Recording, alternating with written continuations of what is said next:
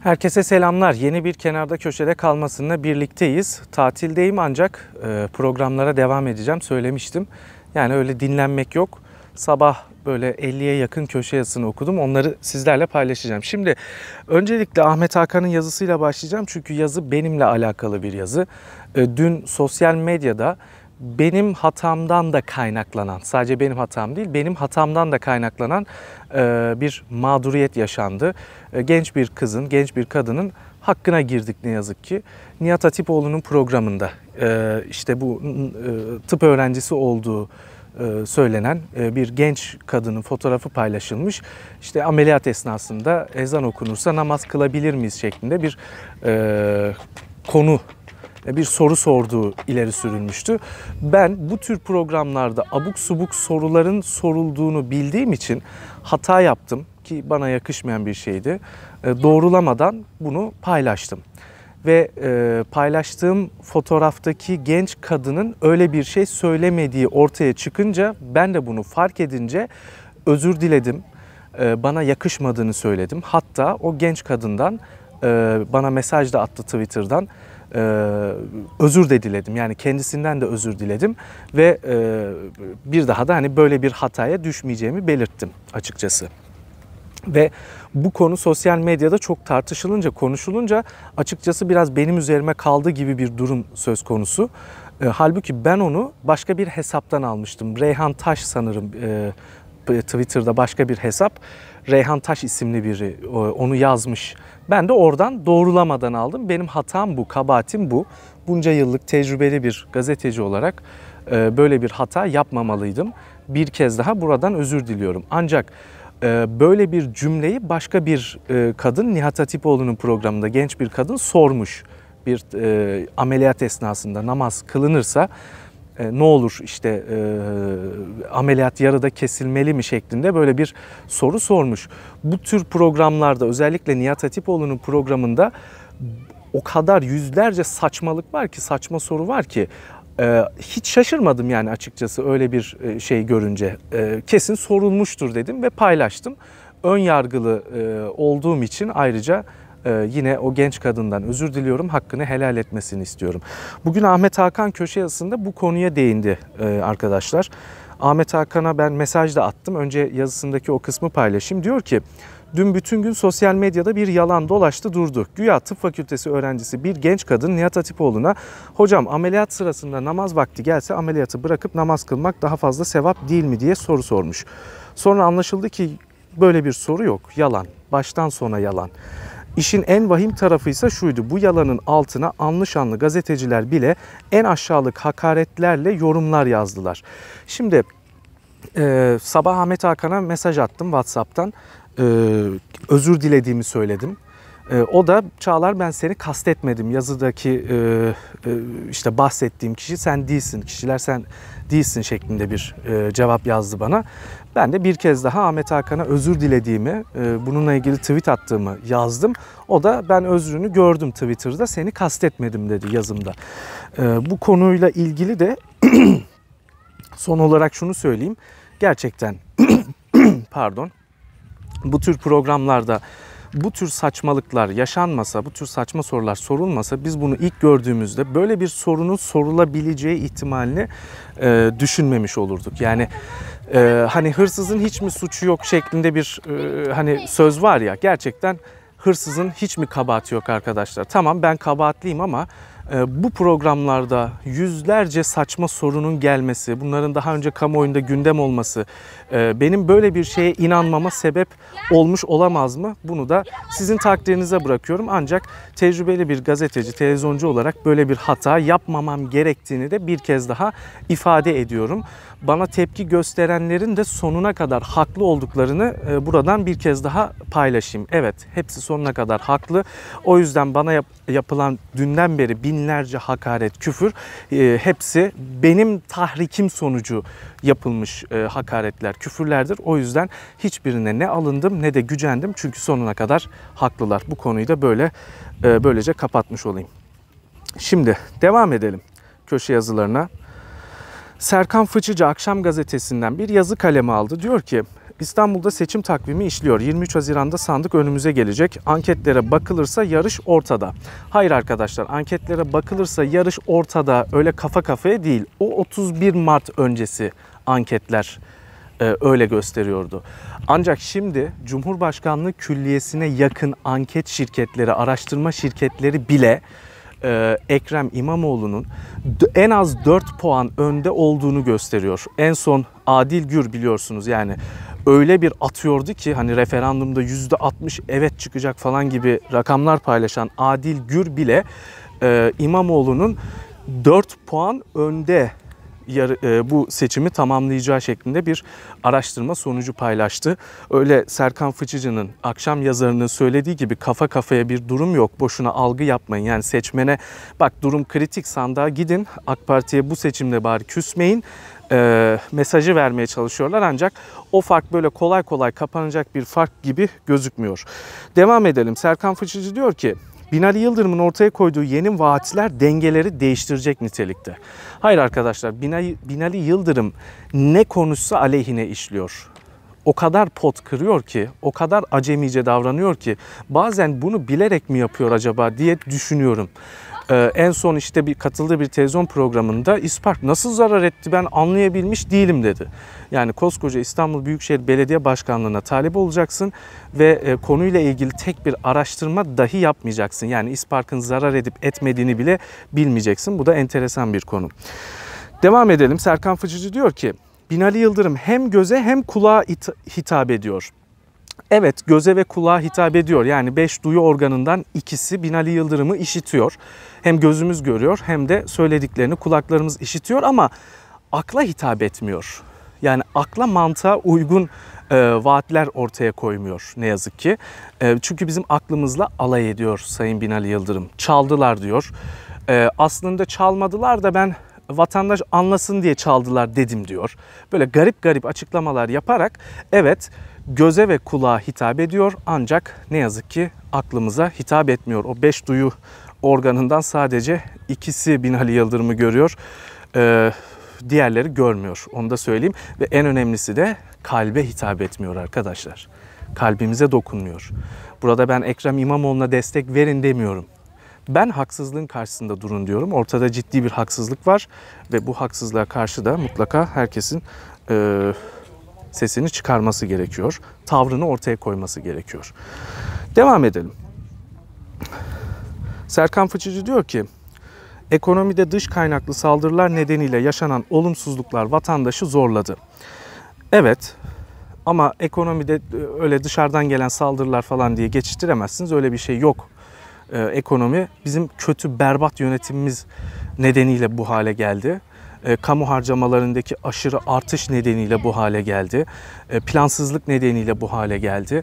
E, hiç öyle dışarıdan saldırıyı falan bahane ederek bu krizin üzerini örtmeye kalkışmayın. Vatandaş her şeyin farkına varmaya başladı yeniden dengeleme aşamasındayız diyor ekonomiyi Serkan Fıçıcı. Şimdi bakalım nasıl dengeliyormuşuz. Aydınlık Gazetesi'nden Mustafa Pamukoğlu ile devam edelim. Pamukoğlu diyor ki TÜİK sonra e, büyüme rakamlarını açıklamıştı. Türkiye ekonomisi %2.6 küçülmüştü biliyorsunuz ve %2.6'lık küçülme neyi ifade ediyor diye e, bir e, yazı paylaştı Mustafa Pamukoğlu. 2019 ilk çeyrek gayri safi yurt içi hasıla %2.6 azaldı. Yani Türkiye ekonomisi bu oranda küçüldü. Yani harcamalarımız azaldı. Yani gelirimiz azaldı. Ez cümle durgunluğun içinde olduğumuz kanıtlandı dengelem, dengelenme sürecine girildiği söylenirse inanmayın diyor. Biraz önce Serkan Fıçıcı diyor ki diyor ya hani dengeleme sürecine girdik diye. Mustafa Pamukoğlu inanmayın diyor. Süslü ve tercümeye muhtaç cümlelere itibar etmeyin. Mutfak ve sokak ekonomisine bakın yeter. Evet gerçekten sadece marketlere girin ve cebinizden nelerin eksildiğini görün yeter. Başka da hiçbir şeye gerek yok. Yani düşünün 10 yıl önce cebinizdeki 100 lira ne kadar e, ediyordu, şimdi ne kadar ediyor ona bir bakın yeter. E, başka da e, bir veriye gerek yok arkadaşlar. Bu veriyi sizler mutlaka e, kendiniz ölçün. Ne durumda olduğumuzu. İsmet Özçelik'le devam edelim yine Aydınlık Gazetesi'nden. İsmet Özçelik diyor ki tabii bir de linç kampanyaları var. Kimisi paralı troller, kimisi rüzgara kapılanlar akıl mantık işlemiyor. Bir dakika durup düşünmeden vur da vur. Son örnek Perşembe gecesi yaşandı. Erdoğan yargı reformu strateji belgesini açıkladı. Feyzoğlu olumlu görüş bildirdi. Türkiye İttifakı için yol haritası dedi. Sen misin olumlu diyen linç kampanyası başladı. Ne hakaretler ne hakaretler.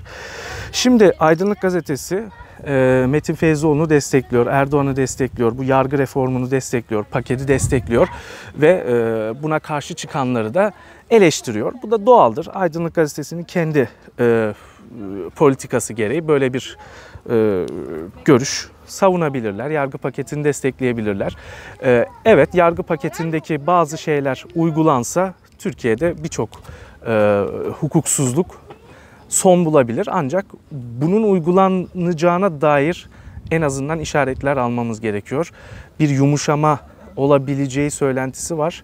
Ee, hükümete yakın bazı yazarlarla, köşe yazılar, köşe yazarlarıyla, gazetecilerle konuştuğumda yumuşama olacak diyorlar. Ancak bunun işaretlerini önce bir görmemiz lazım arkadaşlar. Türkiye'de daha önce ne kadar yargı reformu yapıldıysa ardından yargı daha da bağımlı hale geldi. Daha da birilerinin eline geçti. Başka güçlerin eline geçti. O yüzden bu reform kelimeleri, reform lafları falan hepimizi e, ürkütüyor. E, böyle hemen e, umuda kapılmamak gerekir. Önce bir uygulamayı görelim. Bakalım ki Sayın Cumhurbaşkanı af konusunda bir açıklama yaptı. Yani cezaevlerini tamamen boşaltmayacağız ama bir düzenleme yapacağız dedi. Bunun ne olduğunu gördükten sonra hepimiz karar vereceğiz. Bunu da e, belirtelim. Kaldı ki bakın e, bana kalırsa Türkiye'de örgütlü suçlarla ilgili tutuklu olanların birçoğu masum insanlar gerek FETÖ'den FETÖ gerekçesiyle tutuklananlar, gerek e, PKK gerekçesiyle tutuklanan HDP'li siyasetçiler, altını çiziyorum, örgüt yani silah sıkmış, şiddete başvurmuş kişiler değil, HDP'li on binlerce siyasetçi cezaevinde.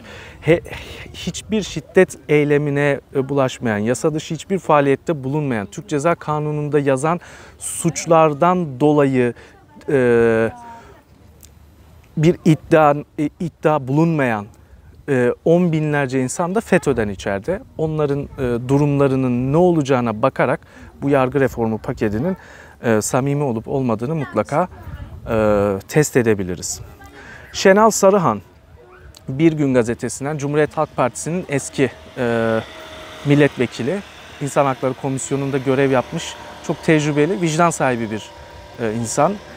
Bugün köşesinde şöyle bir adalet sistemiyle ilgili yazı paylaştı. Diyor ki Türkiye'de adalet sisteminin işlemediğine ilişkin kaygıların tavan yaptığı bu günlerde yapılan açıklama bana Freeman'ın sözlerini hatırlattı. Hangi sözler arkadaşlar şimdi paylaşalım.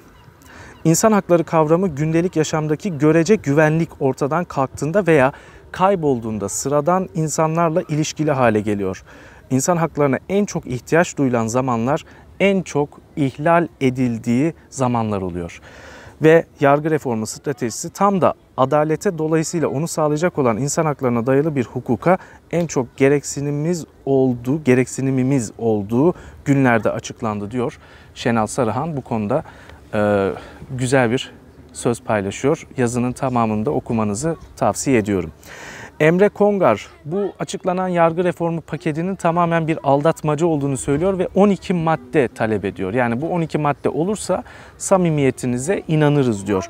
12 maddeden bazılarını paylaşayım. Diyor ki yargının gerçek bağımsızlığı sağlansın. Anayasa Mahkemesi, YSK, HSK, Yargıtay, Danıştay ve Rütük üyelerini siyasal iktidar seçmesin.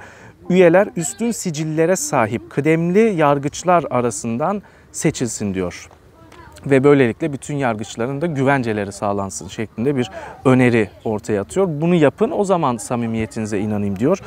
Ee, örneğin mesela terör örgütüne üye olmadan nokta nokta nokta diye başlayan güya terör suçu tanımlayan muğlak madde kalksın diyor. Evet bu maddeden dolayı da cezaevinde bulunan binlerce insan var.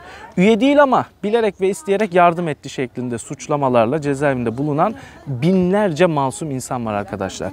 Bir de ben bu maddeyi şunu ekleyeyim. 12 maddenin tamamını okuyun Emre Kongar'ın Cumhuriyet'teki e, köşesinde. Ben de şunu ekleyeyim.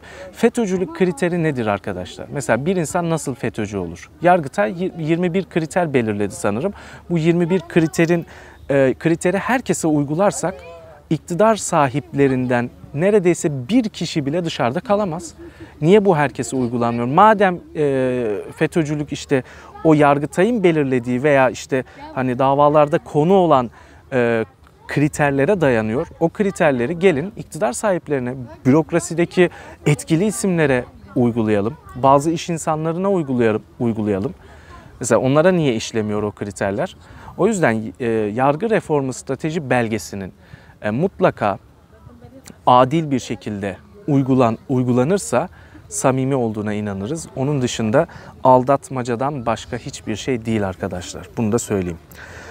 Fatih Yaşlı Bir Gün Gazetesi'nden Gezi ile ilgili çok güzel bir e, yazı kaleme aldı. Gezi eylemlerinin 6. yılını geride bıraktık. Fatih Yaşlı, bu arada şunu söyleyeyim, Gezi'den dolayı e, tutuklu olan Osman Kavala ve Yiğit Aksakoğlu var. Dosyaları tamamen palavradan ibaret. İşte biraz önce söylediğimiz şeyler.